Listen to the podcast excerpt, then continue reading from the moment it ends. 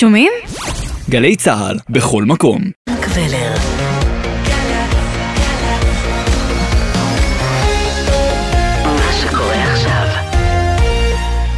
שלום לכם, מאולפן 360 ביום, ההסכת היומי של גלי צה"ל, הזדמנות מעולה לחצי שעה של העמקה, כל יום בנושא אחד שמעסיק את כולנו מ-360 מעלות. והפעם, הרחק מהמהפכה השיפוטית של יריב לוין וממשלת נתניהו, אי שם, בקצהו הפסיפי של העולם, בואכה האוקיינוס השקט, ניבטים ניצני מהפכה אחרת, המהפכה הצבאית של יפן. ניצנים אמרנו משום שאין מדובר בצעדי ענק, עדיין, ועדיין, כאשר המדינה שהפכה בתום מלחמת העולם השנייה למדינת חסות מבחינה ביטחונית של ארצות הברית, השקיעה כמעט את כל הונה ומרצה בהפיכתה למעצמה טכנולוגית, מגלה לפתע רצון להגדיל את תקציב הביטחון ולפתח את צבאה, זה מעניין, ויש שיאמרו, מאתגר. על כך, במסע שלפנינו.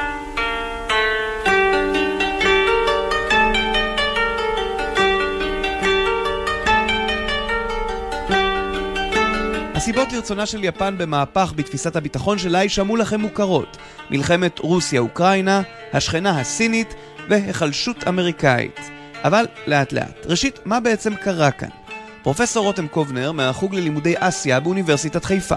במהלך אה, דצמבר ממשלת יפן אה, הכריזה על אה, שתי החלטות. החלטה ראשונה שהיא מעלה את תקציב הביטחון כבר בשנה הקרובה, שנת התקציב היא מ-2023-2024, כלומר מאפריל עד מרץ 24, ב-26 אחוזים, ומעבר לזה אה, החלטה להגיע ל... להעלות ב-56 אחוז את התקציב הביטחון בחמש שנים הקרובות. זה הבסיס של השינוי. מה שאנחנו רואים פה זה בהדרגה עלייה משמעותית בתקציב הביטחון היפני, שלמעשה עד 2020, במשך 50 שנה, לא עבר את האחוז של התל"ג, תוצר הלאומי הגולמי היפני, ועכשיו הוא מתחיל לעלות, עדיין צנוע מאוד, כלומר זה היה ב-2021 אחוז נקודה אחת, ועכשיו זה יהיה אחוז נקודה שלוש. צריך פה להבין את המצב במדינות אחרות, בארצות הברית זה שלושה וחצי אחוז, בישראל זה חמש נקודה שתיים.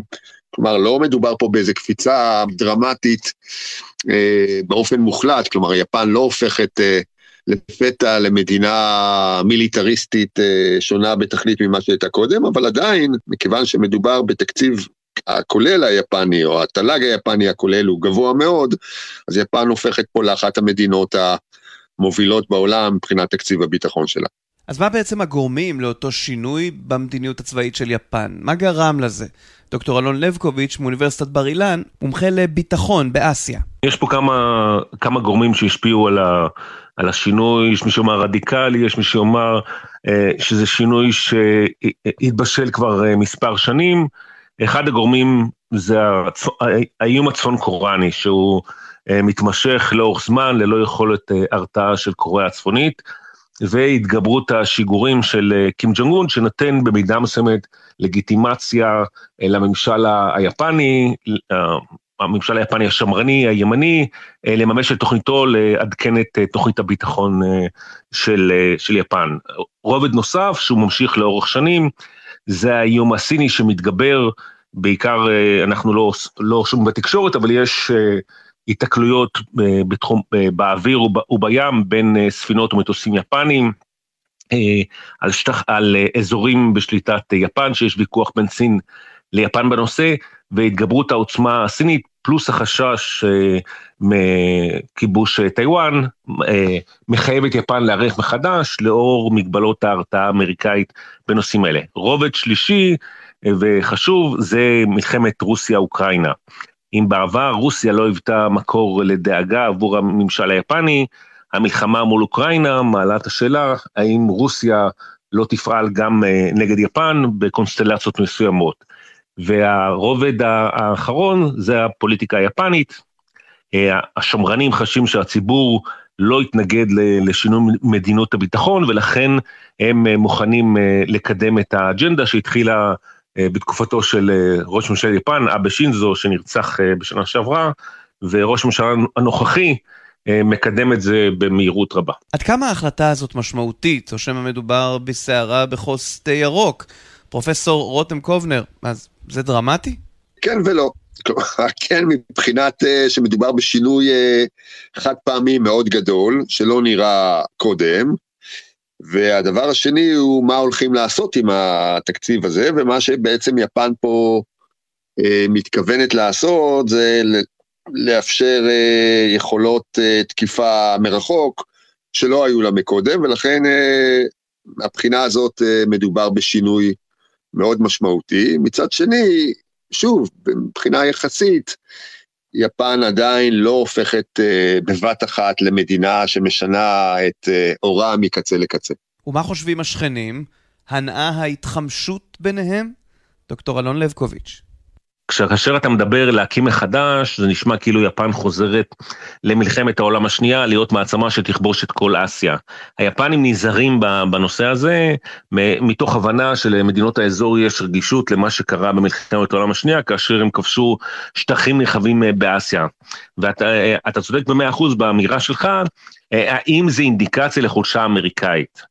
אז יש פה שילוב של חולשה אמריקאית, שהבנה שהאמריקאים אינם יכולים להרתיע את האיום הסיני העולה, את האיום הצפון קוראני שמהווה מקור לדאגה, במיוחד אה, טילים אה, טווח בינוני שטסים, אה, עפים מעל יפן, ולכן יש פה קונסטלציה של מספר גורמים, ובמיוחד הממשל השמרני-ימני, שמנצל את, ה, את המצב הזה על מנת לפתח יכולות הגנה, הגנה יותר התקפית, שתאפשר ליפן להתמודד מול כל האיומים האלה. אין משמעות הדבר שיפן הולכת מחר בבוקר לתקוף את בסיסי הטילים הצפון קוראנים, כי יהיה לזה השלכות, ובמקרה הזה, גם אם האמריקאים מעודדים בצורה זו או אחרת היפנים להתחמש כפי שהם ניסו לאורך כל השנים, ופה היפנים צועדים לא צעד קדימה אלא קפיצה קדימה בנושא של ההתחמשות, האמריקאים יצטרכו גם יחד עם זאת לנסות למנוע החרפה או אסקלציה בזירה,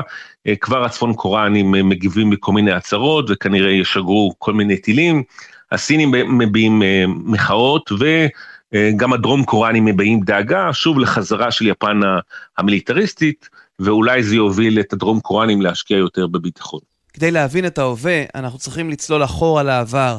איך הגיעה יפן למצב שבו היא מדינת חסות ביטחונית של ארצות הברית, לאחר היסטוריה צבאית מפוארת בחלקה ומפוקפקת באחרת? פרופסור דני אורבך מהאוניברסיטה העברית, מומחה להיסטוריה צבאית של יפן, יפן המודרנית, פותח בכך שהוא מספר לנו על תרבות הקרב היפנית עד מלחמת העולם השנייה. יפן קמה למעשה כמדינה מודרנית באמצע המאה ה-19, ב-1868, והיא קמה מתוך תחושה שהיא חייבת להגן על עצמה בעולם של טורפים. רוב המדינות מסביבה הופכות לקולוניות של המערב או קולוניות למחצה והגישה היפנית שאלמלא הם, התמר... הם חייבים להתמערב מהר, להפוך למודרניים ולהקים איך שקראו לזה מדינה עשירה וצבא חזק. זאת אומרת זאת גישה מאוד מתגוננת והיפנים מפתחים תרבות לחימה בעקבות הגישה הזו שהיא מצד אחד מאוד תוקפנית, מאוד שמה דגש על כבוד לאומי על התפשטות אימפריאליסטית, על השגת משאבים, לחימה קצרה, מלחמה קצרה, כי ליפן אין הרבה משאבים, ובשטח האויב כדי להגיע להכרעה מהירה.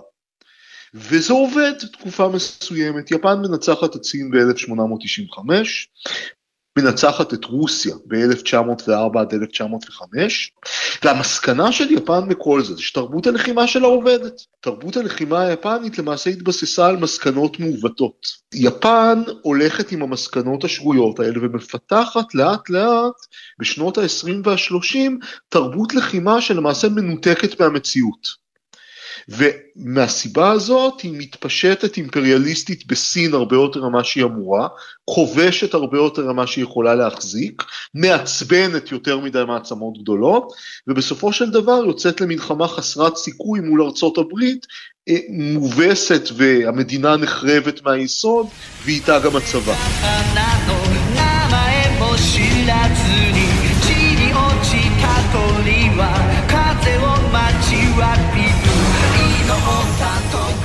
אז איך מעם שש אלי קרב הגענו לצבא פציפיסטי הדוגל בהגנה מינימלית בלבד ותו לא? ובכן, זה כנראה יכול לקרות רק בעקבות תבוסה בשדה הקרב וסוג של הסכם כניעה. דני אורבך.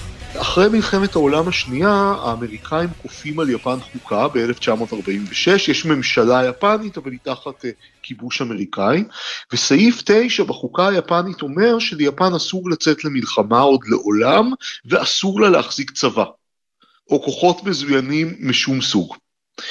והצבא היפני מפורק, מפורק לחלוטין. הבעיה ש... שני הצדדים מתהפכים בעמדה שלהם בנוגע לפציפיזם, כלומר ארה"ב ויפן. מהר מאוד מתחילה מלחמה קרה, והאמריקאים רוצים את יפן כשותפה, אבל הם כפו על יפן סעיף פציפיסטי בחוקה, אז אי אפשר. אז האמריקאים המאוד מאוד מהר מתחרטים על זה שהם כפו על יפן את הסעיף הזה. היפנים מצד שני, שכפו עליהם, מהר מאוד חושבים שהסעיף הזה הוא דווקא די טוב. למה? מכיוון שהפוליטיקאים השמרנים שמנהלים את יפן אחרי 1945 מאוד כועסים על הצבא, בעיקר בגלל שהצבא היה לא צייתני לדרג המדיני, והם חושבים שהצבא והצי הביאו את יפן לאסון של התבוסה במלחמת העולם השנייה והם נהנים להתנקם בהם ולפרק אותם. דבר נוסף ויותר חשוב זה שכך הם יכולים להפנות את כל התקציב שלהם לשיקום כלכלי. וזה דיל מאוד מאוד טוב. ארצות הברית מגנה עליהם, והם לא צריכים להוציא הוצאות ביטחון, הם יכולים להקדיש את כל ההוצאות לתחרות כלכלית מול ארצות הברית, מה שמאוד לא מוצא חן בעיני האמריקאים. כלומר, אז התוצאה של כל זה שיש פשרה. יפן לא מקימה באמת צבא, אבל היא מקימה חילות הגנה עצמית. ביפנית GA טאי.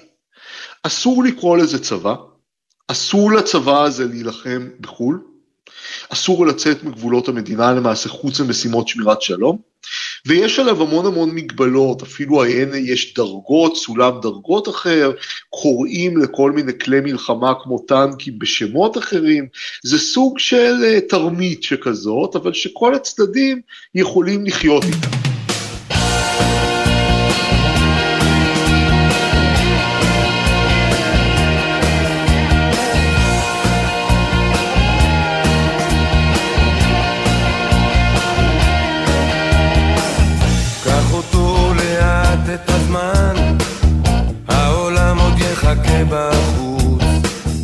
ובחזרה להווה, מדוע דווקא עכשיו יפן מחליטה להתחיל לשנות את הסטטוס קוו, להגדיל את תקציב הביטחון ולהיות מעט יותר מיליטריסטית. אבל רק מעט. פרופסור רותם קובנר. הדבר הראשון הוא אה, ראייה הולכת וגוברת אה, עת של סין כאויב אה, מרכזי משמעותי שיכול לשנות ב, מקצה לקצה את מעמדה של יפן. אה, וסין אכן אה, גודלת, גדלה מבחינה, אה, מבחינת יכולות, מבחינת צבא, אה, מבחינת כל דבר שיכול לאיים על יפן. המלחמה באוקראינה לא ספק גם כן משמעותית, והמשבר בטיוואן, שניהם ביחד גורמים לכך שביפן מבינים והגיעו למסקנה שהן הגלובליזציה והן התלות ההדדית הבינלאומית אינן יכולות לשמש עוד כערובה לביטחון לאומי. את כל זה בד בבד עם אה, תפיסה ברורה שארצות הברית ב-10-15 השנים האחרונות במידה מסוימת נחלשת, לא בהכרח באופן אה, נומינלי, אלא בעיקר בנכונות שלה לעמוד בהתחייבויות שהיא הייתה מוכנה בעבר, ולכן אה, אם אין אני לי מילי, יפן אה, תיאלץ בעתיד כנראה להסתמך גם על כוחותיה היא. ואם לא די בכל מה שדיברנו עליו עד עכשיו, בואו נזרוק עוד משתנה לסיפור הזה, טיוואן, אותה טריטוריה שנויה במחלוקת בין סין לכל העולם המערבי כמעט. דוקטור אלון לבקוביץ' מנסה להסביר מדוע היפנים כל כך מעורבים שם ואף מבטיחים לערוב לטיוואנים. הערבות היא ערבות מוגבלת. פה השאלה ש, שעולה בזירה, האם וכאשר, האם אה, לסין מעבר לאיומים אה, יש להם אינטרס אה, לכבוש את טיוואן, ואם כאשר הם כובשים את טיוואן, האם אתה הורס את המדינה שמטילה ביצי זהב, כי יש שם תעשייה מאוד חשובה, שהיא מקור הכנסה אה, חשוב. ומה ההשלכות באזור? אז יש ניסיונות של כל מדינות האזור להציע סיוע לטיוואנים, אה, תוך, תוך תפילה שהסינים לא יממשו את האיום הזה, כי יש פה חשש להחרפת העימות באזור. ולכן היו ניסיונות של מדינות האזור לסייע לטיוואן, גם האמריקאים מסייעים את טיוואן, אבל כולם בתקווה שלא יהיה פה משבר, כי השלכות משבר יהיה, עלול להוביל לעימות שאף אחד לא רצה להגיע אליו. ואם בסין עסקינן, אי אפשר שלא לתהות על איך השכנה הגדולה רואה את אותה החלטה צבאית יפנית. פרופסור יורי פינס, מומחה לסין מהאוניברסיטה העברית, מנסה לבוא בנעלי הסינים. בוודאי שסין לא מרוצה, אני חושב שמרבית המדינות שנמצאות ביחסים לא כל כך טובים עם שכנתן לא, לא מתלהבים שהשכנה מת, מתחמשת, אבל בוא נאמר ככה, כל עוד מדובר בהחלטה של יפן כמה להשקיע בצבא שלה, אין לסין הרבה מה לעשות. יפן מדינה ריבונית וסין אה, לא יכולה אלא אולי להביע מחאה, אבל בסופו של דבר זו, זאת לא הסוגיה המרכזית ביחסים בין המדינות. הרבה יותר מהותי לסין זה מצד אחד היחסים הכלכליים והטכנולוגיים עם יפן, ומצד שני היחסים של יפן לסוגיית, היחס של יפן לסוגיית טיוואן. פרופסור פינס ממשיך ומראה שלסינים, לפחות היסטורית, גם אם לא בהווה, יש זיכרון מר מהיפנים. ולא סתם, קשה אולי להאמין, אבל דווקא הם, דווקא היפנים, היו התוקפן. יפן במאה ה-20 השנים האחרונות הייתה גורם, בין, נאמר, לא במאה ה-20 השנים האחרונות, אבל מסוף מאה ה-19 עד אמצע המאה ה-20, יפן הייתה הגורם התוקפני ביותר כלפי סין, היא כבשה חלקים גדולים מאוד של סין, ביצעה פשעים נוראים, פשעים נגד האנושות, בקנה מידה שבהחלט דומים לפשעים של הנאצים באירופה המזרחית. אה, ואחרי המלחמה היחסים כמובן אה, שוקמו תחילה בין יפן לטיוואן, אחר כך יפן בשנות ה-70 הכירה בממשלה של סין העממית וניתקה את הקשרים עם הרפובליקה הסינית שבטיוואן, אה, והיחסים היו די טובים, בשנות ה-80 בסך הכל היחסים היו בסדר גמור, שיתוף פעולה כלכלי וכולי. בראשית המאה ה-21, ככל שסין עולה יותר ויותר, כך ביפן יש יותר ויותר חוסר שביעות רצון, כי יפן חשבה איכשהו שהיא תמיד תישאר המדינה המובילה הטכנולוגית, המדעית, הכלכלית וכולי, לאין שיעור על פני סין, והנה זה לא קרה. אה, וזה גרם להתקררות.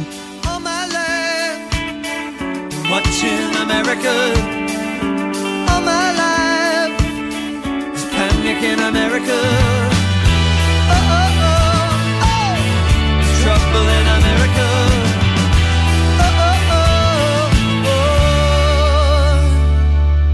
ראינו שהיריבות עם סין ומלחמת רוסיה-אוקראינה הן חלק מהסיבות לרצונה של יפן בהגברת עצמאותה הביטחונית והצבאית, אבל איך קשורה זו שהחלה בכל הסיפור לפני כמעט 80 שנה בהסכם הכניעה, ארצות הברית? מתי היא נחלשה?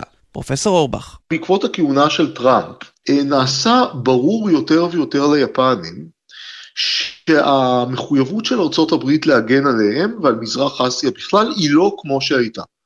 והמחויבות הזאת הולכת ויורדת, כלומר שעמוד מאוד מהותי בדיל הזה של אחרי מלחמת העולם השנייה שליפן לא יהיה צבא וארצות הברית תגן עליה, עמוד מאוד מהותי בדיל הזה מתערער, כי ארצות הברית אה, משקיעה משאבים באזור פחות מאשר היא השקיעה, והמחויבות שלה לפחות בעיני יפן היא פחות ממה שהייתה. דבר נוסף, יש עלייה של איומים חדשים.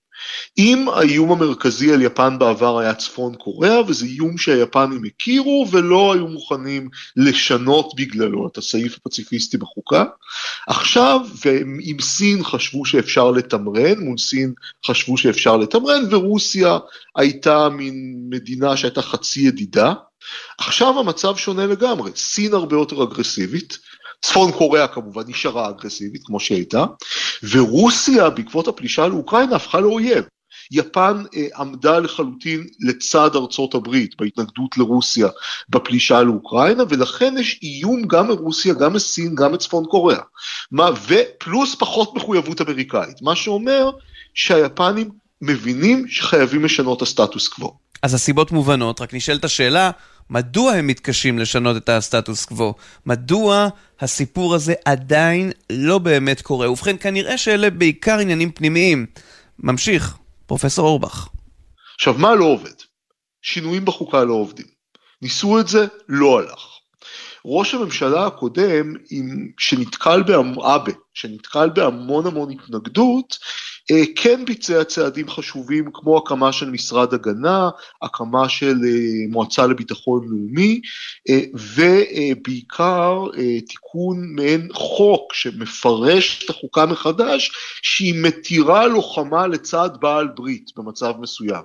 קוראים לזה הגנה עצמית קולקטיבית, רק עם קיומה של יפן כמדינה מונח על הכף, ואבה אפילו רמז שיפן תגן על טיוואן אם היא תותקף בידי סין, למרות שזה לא עמדה כללית בהנהגה היפנית כרגע. גם זה הרמז, זאת לא הייתה אמירה ממש ברורה. עכשיו, אה, אבה נתקל בהמון התנגדות. הוא נתקל בהמון התנגדות, בין היתר כי זה היה אבה. צריך לחשוב בעיניים ישראליות זה קצת כמו ביבי אצלנו. הוא מאוד שנוי במחלוקת, יש כאלה שאוהבים אותו, יש כאלה ששונאים אותו, וכל צעד שאבה עשה נתפס באופן מאוד מחנאי. כלומר, אנשים שלא אהבו את אבה הרבה פעמים פשוט התנגדו גם לצעדים שלו. לעומת, לעומת אבה שהיה מאוד ימני ומאוד מפלג, מהבחינה הפוליטית, קישידה, ראש הממשלה הנוכחי, נחשב איש מתון מהמיינסטרים, שלא נתפס כמישהו שרוצה להפוך את יפן לאיזה מדינה מיליטריסטית כמו פעם, כמו שנתפס אבה, והגישה היום בציבור היפני, שאם אדם מתון כמו קישידה חושב שצריך לעשות שינויים בעניין הצבא, אז כנראה שהוא צודק. איך אנחנו יכולים להרוויח מזה? כלומר, ישראל, מה צידה בדבר? האם הרפורמה הצבאית בצד השני של העולם יכולה גם לגעת בנו? אולי. להעשיר אותנו? דוקטור לבקוביץ'. מבחינת ישראל, יש פה פוטנציאל אדיר שאנחנו מנסים גם למכור להם אה, יכולות הן בתחום הסייבר והן בתחום ההגנה נגד טילים. בני גנץ ביקר ביפן, אבל הוא ביקר ביפן אה, לפני ההצהרה על השינויים. אנחנו רואים ביפן אה, יעד חשוב לשיתוף פעולה ביטחוני בין שני הצדדים.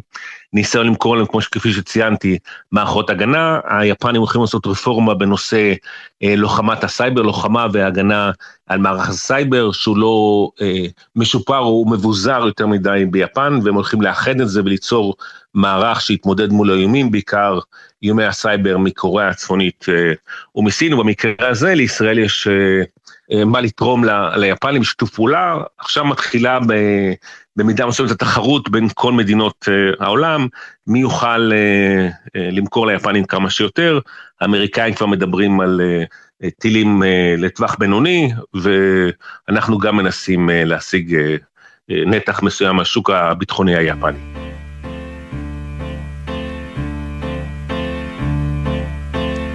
בחמש קם צייד ויצא את ביתו. עד כאן 360 ביום, ההסכת היומי של גלי צה"ל. בכל יום 30 דקות של צלילה לתוך נושא אחד שמעסיק את כולנו מ-360 מעלות. אנחנו זמינים לכם ביישומון גלי צה"ל ובכל יישומוני ההסכתים המובילים. ערך אותנו נמרוד פפרני, על הביצוע הטכני ניב ירוקר, נדב דור ומיכל כהן. בפיקוח הטכני עומר נחום. עורכת הדיגיטל היא יולי אמיר. אני עידן קבלר, שלום. שר פנים וניסר, חזר לכפר, והנה זוג ברבורים בנהר,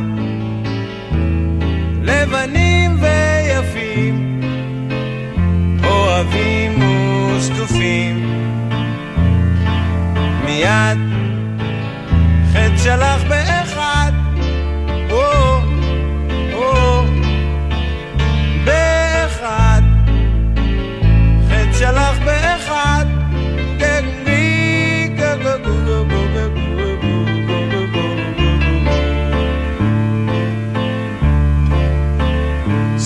שם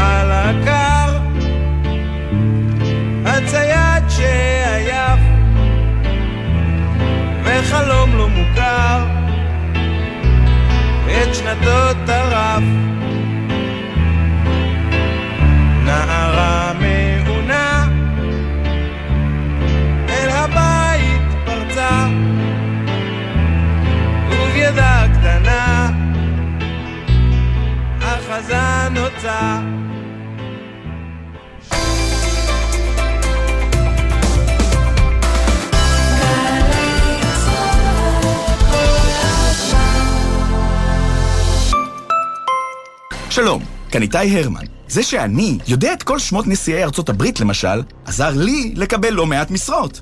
לרעיונות העבודה שלכם, זה בוודאי יועיל פחות. אבל מה שתלמדו באתר קמפוס IL יכול להעניק לכם יתרון בכל ראיון. כי בקמפוס IL תמצאו קורסים חינם כמו כתיבת קורות חיים, יצירת פרופיל לינקדאין, אקסל למתקדמים ועוד רבים שישדרגו לכם את קורות החיים. קמפוס IL, בהובלת מערך הדיגיטל הלאומי והמועצה להשכלה גבוהה. לא חבל להפסיד את השנה? באוניברסיטה הפתוחה אפשר להתחיל ללמוד עכשיו וגם לקבל 50% הנחה בדמי הרשמה מאוחרת. לפרטים חפשו האוניברסיטה הפתוחה בגוגל או חייגו כוכבית 3000